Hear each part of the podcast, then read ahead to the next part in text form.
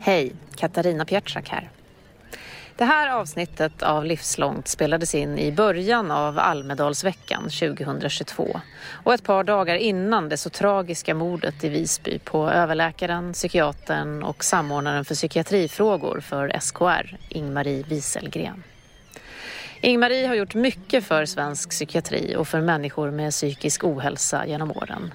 Hon samverkade bland annat med initiativet Mindshift som du får veta mer om i det här avsnittet. Och arbetet med att främja välmående och psykisk hälsa går vidare i både hennes och initiativets anda. Visionen för Mindshift är ett samhälle där psykisk hälsa och välbefinnande ses som vår viktigaste tillgång för en hållbar samhällsutveckling. För mer information se mindshiftsverige.se.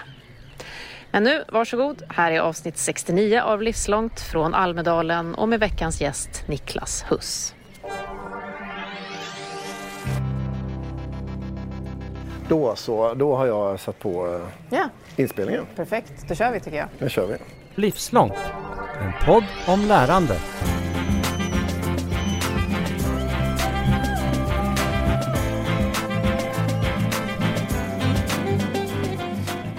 Livslångt ute och rör på sig i världen. Det är vi. Idag och redan förra veckan släppte vi ett avsnitt som spelades in här på Gotland i Visby och Almedalen, veckan som pågår just när vi är här. Och då var det bara du och jag, Carl Heath. Idag har vi med oss en gäst och det är du Niklas Huss. Varmt välkommen, efterlängtad gäst i Livslångt. Tack så mycket. Hur är läget när du är tillbaka i Almedalen första gången fysiskt på några år? Ja, men det är jättebra, men jag var lite rädd faktiskt när jag åkte hit. För jag hade inte samma känsla som jag brukar ha.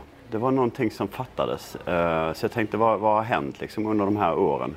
För det är någonting som brinner inom mig, som, som verkligen är efterlängtat när jag åker hit. Och har alltid varit så. Men det var någonting som saknades. Men första liksom, landstigningen med en fot så kände jag att det är någonting som började hända. Och sen började man träffa människor och sen så var det helt plötsligt där. Och allting kändes så fantastiskt bra. Vad är det? Vad är den känslan som du men- först saknade och sen fann? Ja, men det, det är ju den här att vi här är alla tillsammans för att faktiskt göra skillnad i Sverige och i samhället och våra stora utmaningar globalt. Att vi försöker hitta varandra och kroka arm. Eh, Och att det är en sån genuin känsla hos massa människor som man möter här. Eh, Så det tycker jag är fantastiskt och det ska vi vara väldigt rädda om. Så det var... Vi kommer tillbaka till det, för det Ja. är väl lite det vi ska prata om här. Eh, Men Karl, eh, hur är läget med dig? Du är också tillbaka i Almedalen för de här gångerna, för första gången på ett tag. Ja, men jag, jag delar din bild att det finns någonting. eh, Det finns, för mig så är Almedalen ändå liksom en särskild plats på det sättet att det skapar möjligheter för människor att mötas som annars normalt sett faktiskt inte träffas. Eh, eller man träffas under andra omständigheter och som skapar andra typer av samtal än de som kanske händer i ett lite fnösketort konferensrum någonstans. Eh, och, och det förflyttar oss i tanken och vad som är möjligt för min del så har ju väldigt mycket innovationsprojekt eller utvecklingssammanhang och sånt faktiskt fötts genom samtal här genom åren. Och, så det för mig är det en betydelsefull plats. Mm. Nu är vi här i Botaniska trädgården i Visby. Man hör lite fåglar tror jag. Och vi har pratat på en stund utan att du har berättat riktigt vem du är Niklas, för de som inte känner dig. Så det är den där klassiska frågan i vår podd. Vem är du? Ja, och jag, den där frågan får man ju lite då och då och jag börjar fundera på den många gånger och tar lite olika eh, sätt att förklara. Men någonting som jag kände för inte så länge sedan när jag fick den frågan det var ja, men vem är jag egentligen och vad gör jag? Ja, men jag går runt och känner och lyssnar. Det är väl mitt, mitt mission i livet. Så I organisationer, i olika konstellationer så finns jag med och känner och lyssnar. Och på något sätt genom allt det som jag hör och ser och känner kan jag måla upp bilder. Eh, och bilder som vi förenas kring. Eh, och egentligen är det människors liksom, uttryck vad man vill och vad man ska och behov och så vidare.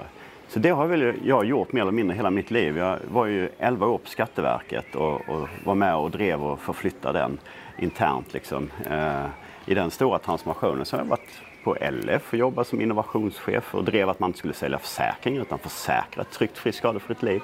Så jag gillar att hitta nya sätt att, att kunna ge erbjuda nya tjänster och som också bidrar till ett bättre samhälle, ett mer hållbart samhälle. Så, och det gör jag genom människor och, och frigöra människors liksom fulla kraft och engagemang. Det låter som när jag ska berätta för min mamma vad jag jobbar med. Hon bara, kan du förenkla det där lite så jag kan berätta det för någon annan? Men eh, känner och lyssnar är ju ändå, känns som att någonting som man, ja, hyfsat konkret. Men det är ju innovation och, och förflyttning och, och, det är väl det jag gör. Och, och, och sätta upp olika arenor. Eh, och för tillfället gör jag det på olika sätt runt om i landet med olika grupperingar, olika organisationer. Ehm. Vad är det för frågor det kan handla om? Ja, men det är allt hur framtidens skola ser ut, eh, hur vi designar en skola för lärande och som blir också till exempel en, en kraft för hela samhället att mötas och lära tillsammans, som jag håller på med. Det kan vara också hur vi ser, skapar förutsättningar för människor att få tillit och trygghet i en miljö där man utbyter kunskap och utvecklar sig själv. Och, eh, det finns eh, sätt som vi tittar på hur vi som Mindshift som jag jobbar med som är här kopplat till Botaniska som handlar om hur stärker vi välbefinnandet i Sverige i våra olika livsmiljöer som en förutsättning för att bygga ett tryggt samhälle, ett inkluderande samhälle, organisationer som orkar förflytta sig och vågar förflytta sig från den struktur de befinner sig i. Eh, och, och, titta och hitta nya processer, styrverktyg eller mål och riktningar som är så extremt svårt när vi har designat institutioner som bara är där för att optimera och effektivisera det, det man redan gör. Mm. Men du har ju varit i ett par sådana organisationer, stora statliga och även privata organisationer. Och nu eh, jobbar du med dem men inte i dem. Det måste ju också vara en förflyttning. Är det lättare eller svårare? Eh, för mig så har det varit lite jobbigt faktiskt. För jag har alltid varit i en organisation och är som en intraprenör. Jobbar inne i organisationen nu, fri från strukturerna. Har alltid sett till att jag har en fri roll som inte är inkapslad i liksom organisatoriska scheman eller processer. Men man har mer kraft i att vara i, därför då har du tyvärr den här titeln och, och rollen som många gånger behövs i ett titelsamhälle. Eh, mm. eh, som jag idag inte har på samma sätt. Och jag kommer kanske inte helt fullt in i det här att känna att jag är en del av det. När man känner och lyssnar så brukar jag säga att jag kopplar in egentligen varenda nervtråd i min kropp i organisationen. För att bli ett med den, för annars kan inte jag känna organisationens alla krafter. Eh, och det är svårare när jag är utanför och inte har en del i organisationen. Så, så för mig så är tillhörighetsdelen kanske lite vacklande. Jag känner inte samma tillhörighet gemenskap. Men samtidigt så är jag ju fri och har massa härliga människor som jag möter och, och de får kraft och blir istället de som jobbar i sina organisationer och, och skapar förändring. Vilket också är härligt och fint. Så Förlängda nervtrådar kanske? Precis. Men allt det här du beskriver då, innovationen, förflyttningen och du känner och lyssnar. Hur skulle du säga att lärande, vad har lärande för plats och roll att spela i allt Alltså lärandet är ju A och O för allt just nu. Eh, vi gör ju massa smarta grejer, vi testar, men vi glömmer själva lärandet många gånger. Eh, vi behöver också lära oss som individer att få utveckla våra mänskliga förmågor eh, och, och, gå på djupet för att vi ska kunna se varandra, bli nyfikna, vara kreativa. Så att lärandet för mig är helt avgörande och vi behöver också lära tillsammans. För de befintliga eh, lösningarna, de räcker ju inte, det ser vi. Vi kämpar ju överallt med de utmaningar vi har runt omkring oss. Och då måste vi börja satsa på att lära tillsammans och analysera, gå igenom. Och det är vissa som säger att man hyllar misslyckande, vissa säger att det är Eh, det är inte okej okay att misslyckas, men jag ser det fel att säga misslyckande överhuvudtaget, för det är ett lärande. Så jag brukar prata om experiment. Experiment är ju ett lärande. Man testar och labbar och sen så lär man sig och så tar man det vidare. Så till exempel i det vi gör med Mindshift, vi säger att vi jobbar bara med experiment. För att, att jobba med de främjande, förebyggande för att stärka hållbar, alltså välbefinnande hos människor. Vi har inte så mycket vetenskap och forskning på det djupet. Så att då experimenterar vi tillsammans med människor och lär oss mm. av det. Mm. nyligen fick jag skicka till mig av en eh, kollega och kompis eh, när jag var lite missnöjd med något själv. Så, så citerade hon Nelson Mandela som, som sa “Either you win or you learn”. Mm. Så det är lite det du pratar om. Men du pratar, nu, du pratar om, om mindshift. Vad, vill du, kan inte du berätta lite mer om vad det är? För det, jag ska också säga, det är ju ett av dina de här samverkansarenorna som du beskriver. Precis. En av dem är det ju. Så samverkan sa du tillsammans. Och vad är Mindshift i det? Ja, men Mindshift startades 2019 i Almedalen faktiskt, i Helgeands ruin. Eh, då var jag innovationschef på Länsförsäkringar och med angreppet att inte sälja försäkringar utan försäkra tryggt, friskt, skadefritt liv det gäller ju att hitta vad är orsaken, hur kan vi på något sätt se till att inte någonting händer och, göra, och erbjuda förebyggande främjande insatser. När jag börjar titta och djupdyka i, i samhällsutmaningarna som finns runt omkring oss så handlar det väldigt mycket om att människor runt omkring oss mår inte bra. Och, och, det, och, det, är så illa så att vi har ju en, en uppskattad kostnadsmassa för psykisk ohälsa i Sverige på 200 miljarder årligen enligt OECD. Och, och Harvard och, och, World Economic Forum har tittat på de här kostnaderna och utvecklingen framåt. Så redan 2030 så upp, eh, uppskattar man att det kommer öka med 300 procent. Och det här är ju symptomer på någonting som inte är bra. Det är symptomer på till exempel att unga flickor och, och barn har ingen framtidstro. Alltså, särskilt unga flickor när man tittar ute på landsbygden i undersökningar. Och vi har helt nya beteenden som, som vi försöker anpassa oss och miljöer och, och oro runt omkring oss. Och det här gör att vi på något sätt eh, liksom hamnar i en negativ spiral som vi måste bryta och att man mår dåligt och att, att det är tufft ibland, det är en del av livet. Men vi måste rusta oss för att vi, det är en del av livet och vi behöver rusta oss tidigt. Så Mindshift fokuserar på olika livsmiljöer, skolan, arbetsplatsen, hur vi designar stadsmiljöer och, och landsbygden där vi stärker människor eh, och stärker vårt välbefinnande och utvecklar olika mänskliga förmågor för att kunna göra det. Men är ni en, rörelse, en organisation, en stiftelse? Ja, hur, hur vi, vi, vi, är både helt fria liksom, grupperingar i vissa regioner. Ibland så har det skapats ideella föreningar för att man ska kunna samverka mellan näringsliv, offentlig sektor, civilsamhället, akademin och också människor som bara vill vara med och joina den här liksom, rörelsen och bidra. Så vi har olika kluster. Här på Gotland är vi jättestarka och där är det då både region Gotland med och det är ju kommunen då eftersom att det är ett och samma. Och vi har Svenska kyrkan, vi har ICA Maxi, Länsförsäkringar, vi har alltså hela företags... Gotland har ju varit med i sådana här stora galor som man kallar Guldhjärnegalan där man samlar in pengar. För att man förstår att om inte vi jobbar med den här frågan kommer vi inte kunna ha ett samhälle och ett fungerande samhälle här på ön. Så vi behöver jobba med frågan. Så det är en kluster av massa olika människor som möts och sen experimenterar vi och testar vid olika insatser. Så här på ön, Gotland, så har man en insats där 10% av Gotlands befolkning ska utbildas i Mental Health First Aid. Det vill säga att lära sig att lyssna och se eh, andra människor och kunna hjälpa och stötta. Och tänk när 10 wow. får en utbildning att börja lyssna och se andra. Vad händer i ett samhälle då? Det är jag nyfiken på. Som changemaker force, då brukar man säga att 10 behövs för att någonting ska hända. Så.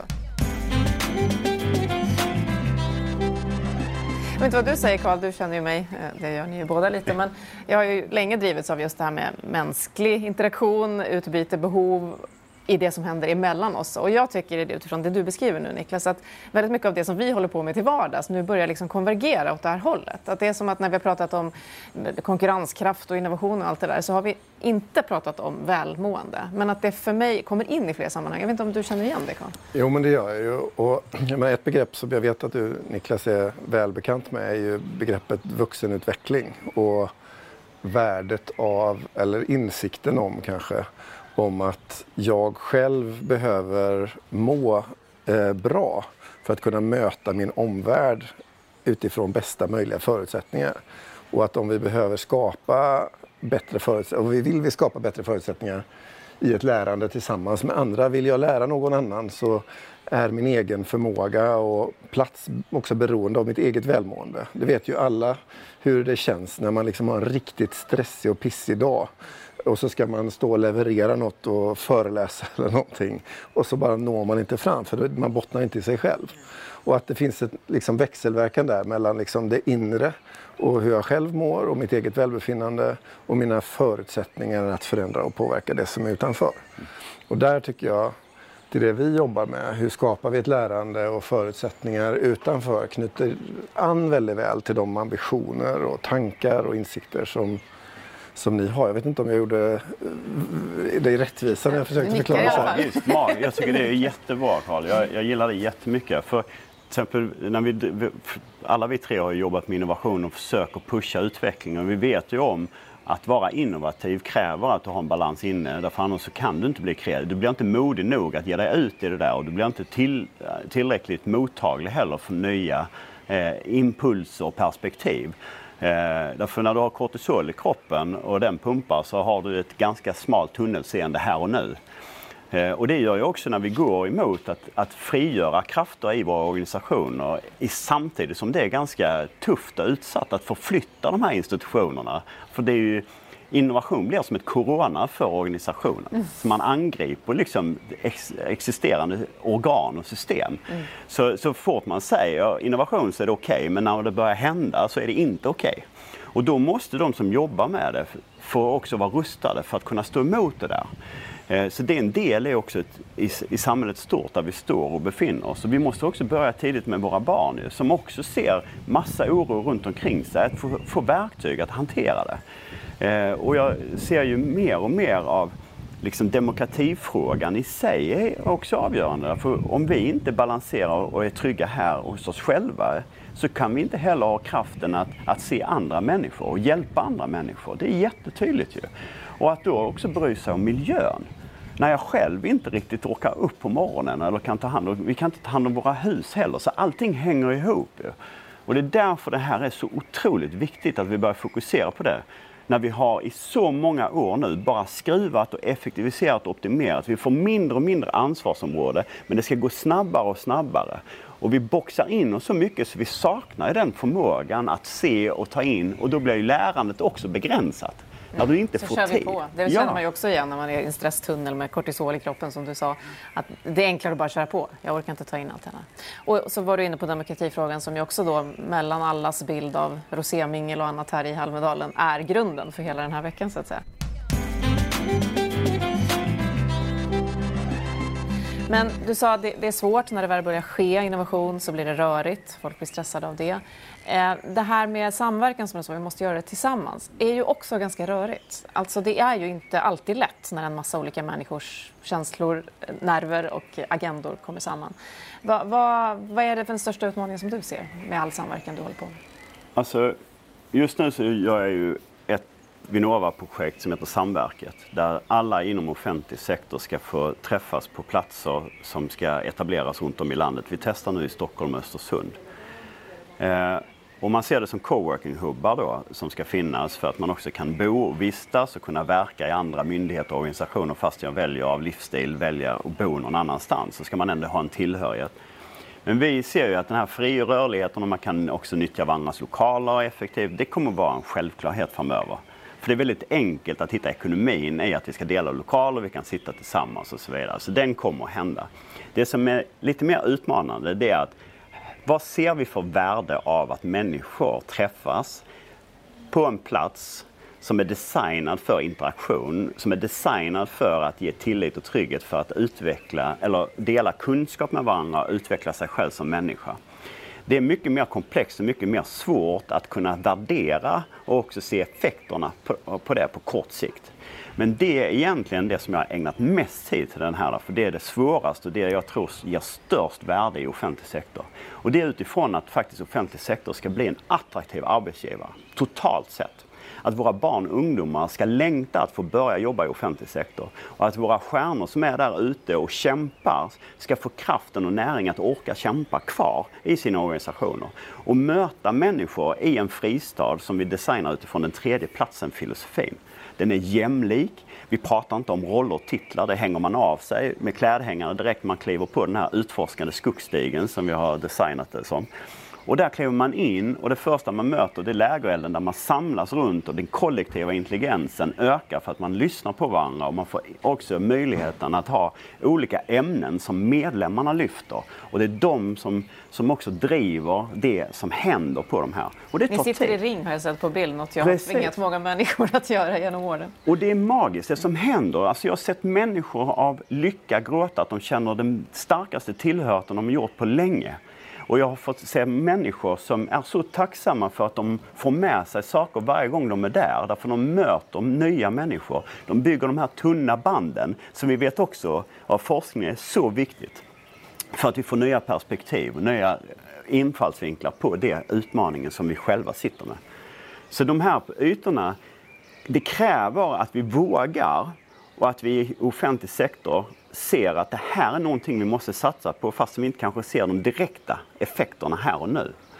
Och det tror jag är svårt, för vi är lätt att vi ska räkna pinnar och vi ska se hur många är där eller hur många snabba har kommit. Effekter snabba på kort sikt. Mm. Och mäter liksom. Och det här är mycket mer komplext att se vad det faktiskt ger för värde. Du har också jobbat mycket med offentlig sektor och jag också en del. Carl. Vad, vad gör att det är så viktigt just för att offentlig sektor tar kliv nu, skulle du säga? Ni? Jag, ja, men det är flera olika saker. Alltså, eh, någonstans är det ju så att eh, hela vår offentliga sektor syftar ju till att skapa förutsättningar för allihopa av oss att leva bättre, längre och mer välmående liv. Liksom säkert och tryggt på olika sätt. Och när omvärlden förändras eh, på alla möjliga sätt, det kan ju vara liksom i det positiva med nya forskningsrön eller ny teknologi eller när den förändras med nya medicinska vetenskaper eller sådär. Då behöver våra institutioner och strukturer anpassa sig för att kunna eh, använda det där nya på ett sätt som är till fördel för allihopa. Och sen finns det ju de utmaningarna runt omkring oss som vi alldeles för väl känner till med pandemier och krig och klimatförändringar och sånt som skapar ett tryck och ett behov av förändring. Och sen har vi därtill liksom det du beskriver som, som den här väldigt komplexa utmaningen kring vårt eget välmående i allt detta. Liksom. Och där måste ju offentlig sektor kunna möta medborgarna utifrån sin allra bästa förmåga.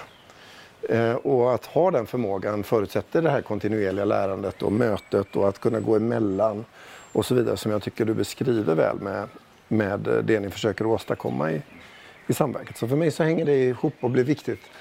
För offentlig sektor är liksom det är den arenan som, som eh, vi tillsammans väljer att finansiera för att möjliggöra för oss att leva de här liven. Och då behöver vi naturligtvis se till att den resursen är så, så bra det bara går.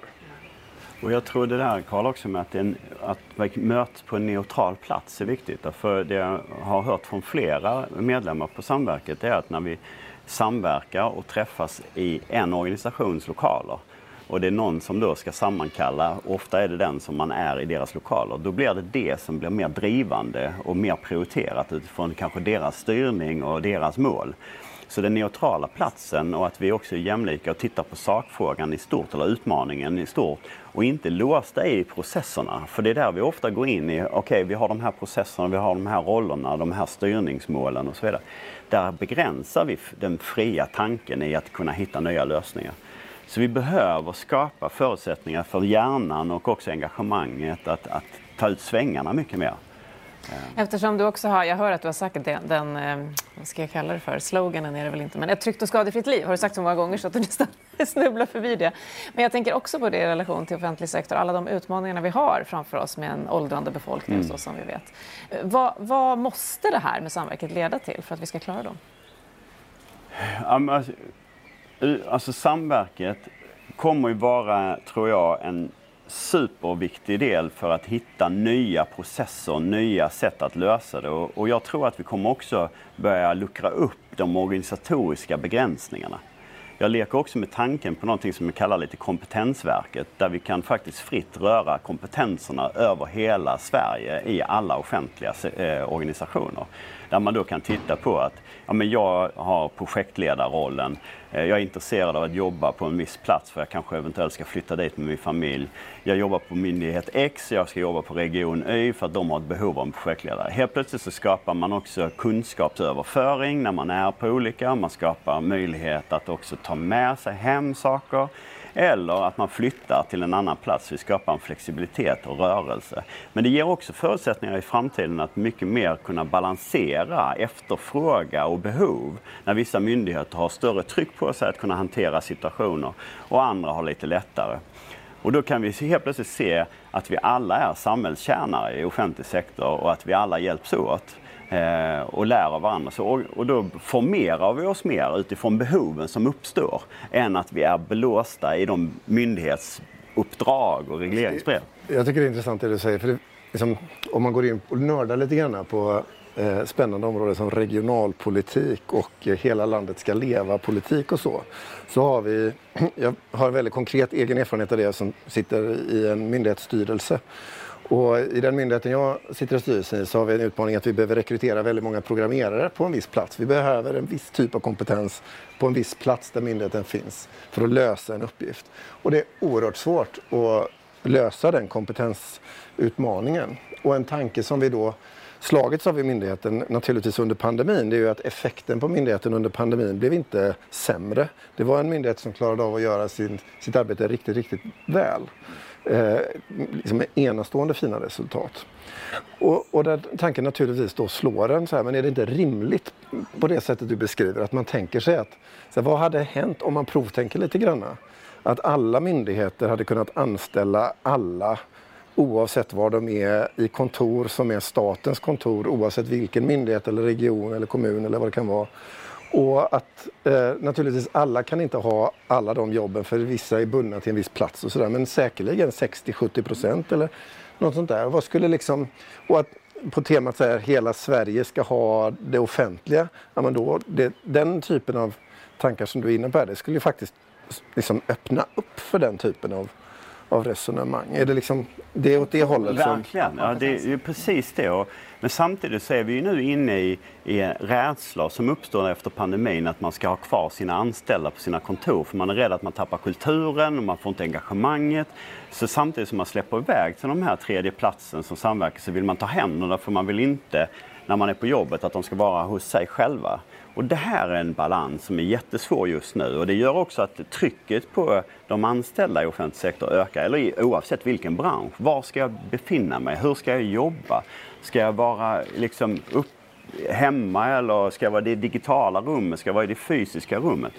Så vi har en resa nu där vi kommer att hitta det nya normalläget som kommer att ta lite tid. Det kom ju en nyhet just att ohälsan ökade igen nu på grund av att folk trycktes tillbaka, eller hur man nu ska uttrycka det, till sina kontor. Jag hörde en, en kommun som berättade, de har gjort mätningar hur många möten man hade digitalt innan pandemin i snitt hos förvaltningsorganisationen och efter pandemin.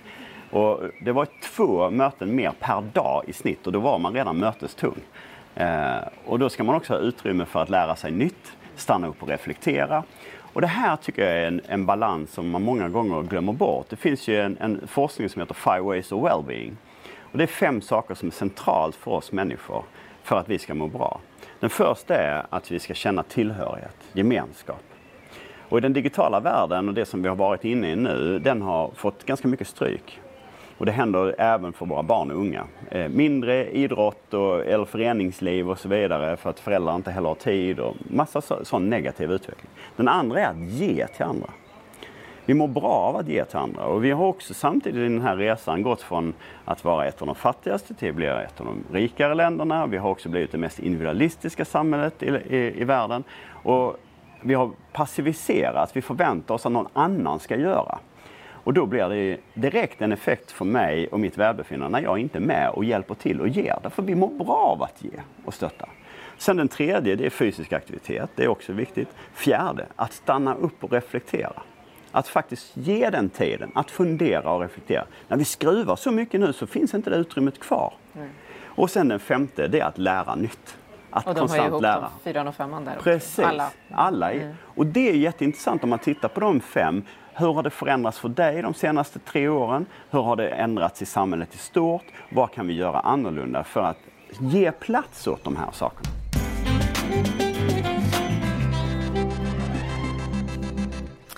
Innan vi knyter ihop det med just de här välbefinnandena tänkte jag, för det är ju liksom lite, känns som grunden för alltihopa. Men en, en sista sån arena som du håller på med just kopplat till lärande och samverkan är ju då samhällskontraktet. Det gäller att hålla ordning på alla SAM här, som jag brukar skoja om.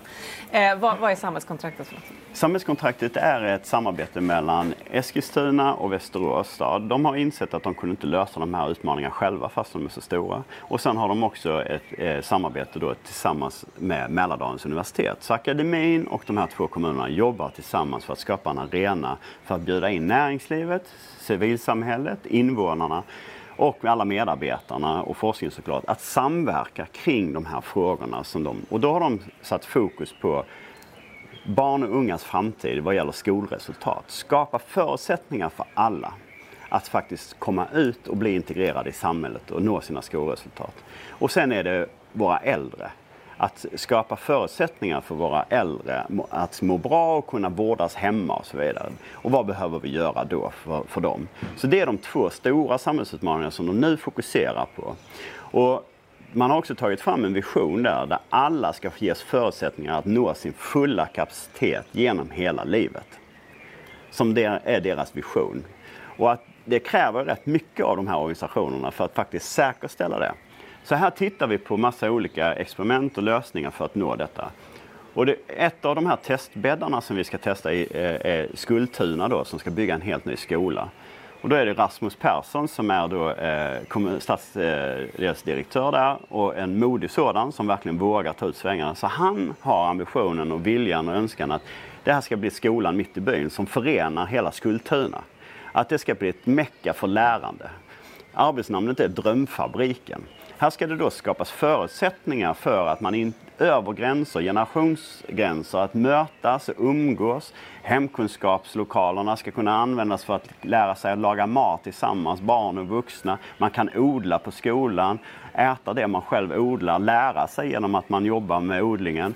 Man öppnar upp musiksalarna för att man ska också kunna vara där på kvällarna. Idrotts och föreningslivet ska kunna nyttja både lokalen och platserna utanför.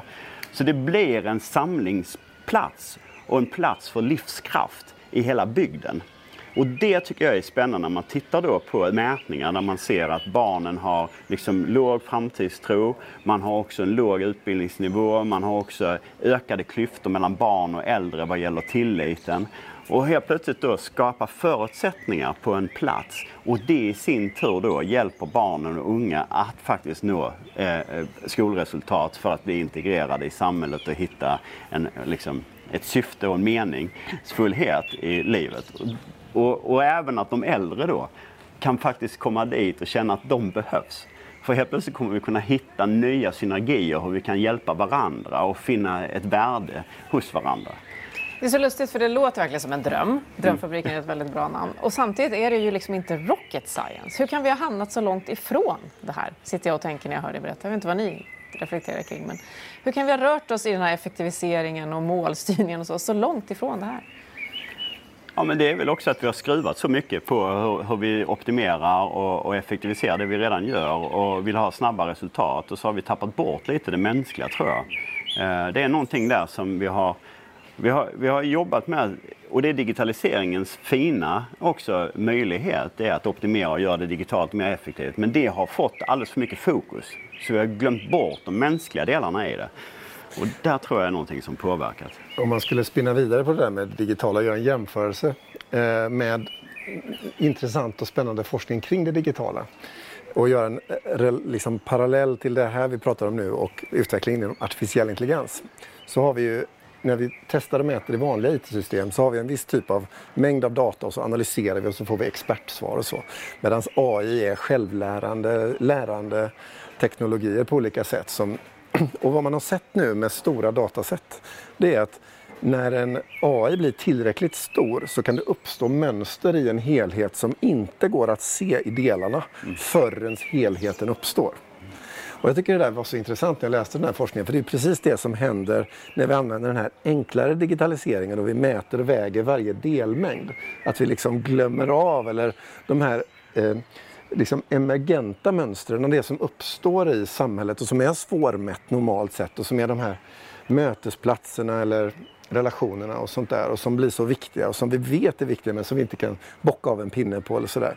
Nej, de syns inte förrän vi ger det rum att finnas. Och precis som du är inne på, liksom, när vi då effektiviserar och vi liksom begränsar mängden vi mäter på, då ser vi inte de här högre värdena och mönstren som ändå finns. Jag tycker det varit, för mig blev det så här upplevelse av att nu har dataforskningen börjat komma till den nivån att du de lär av den ja. till det mänskliga.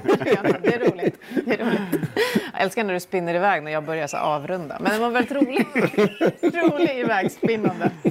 Ja, Du berättade Niklas att du, det var just efter en sån här Almedalsvecka som du kände att det här, vi måste ta ett initiativ och det blev Mindshift som vi inledde med. Då. Och jag ska läsa er mission här från er sida som jag skrev ner. Ett samhälle där psykisk hälsa och välbefinnande ses som vår viktigaste tillgång för en hållbar samhällsutveckling. Det är väl ungefär vad vi har pratat om i stora delar idag. Eh, om vi ses här om ett år igen, vad hoppas vi har hänt och utvecklats då i alla de här delarna vi har pratat om? Jag hoppas att våra politiker har börjat styra, precis som vissa länder runt om i världen, faktiskt på välbefinnande mått istället för BNP. Eh, det finns några väldigt eh, fina exempel, både Nya Zeeland och Kanada och så vidare. Även våra nordiska länder börjar komma ditåt. Så jag tror att dels kan att vi gör det. Ett sånt mått bara så vi förstår vad vi pratar om. Ja, då, ja, men man mäter och tittar på hur människorna mår i landet för att faktiskt kunna se hur eh, framgångsrikt landet är. Eh, därför när vi mår bra så skapar vi för, större förutsättningar för samhällspåverkan.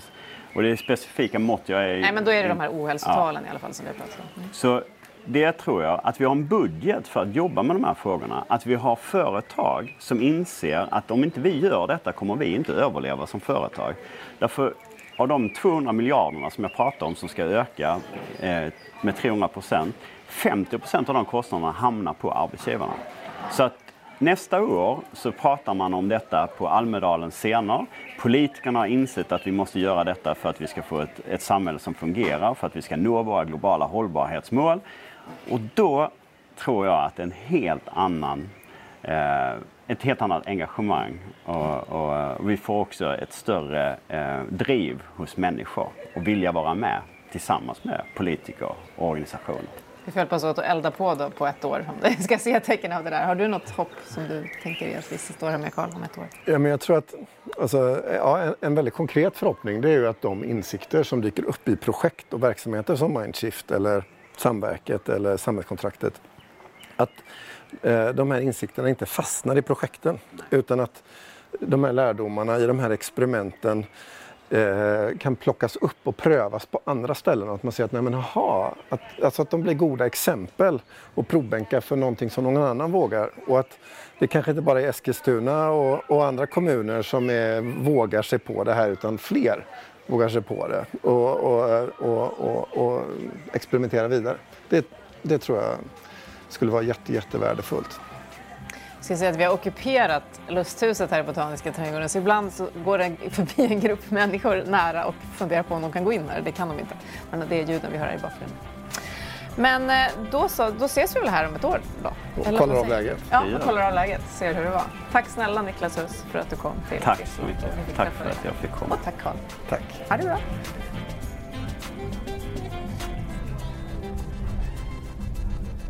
Du har just hört Livslångt, en podd från RISE om allt det där man lär sig i livet. Vi hörs om en vecka igen.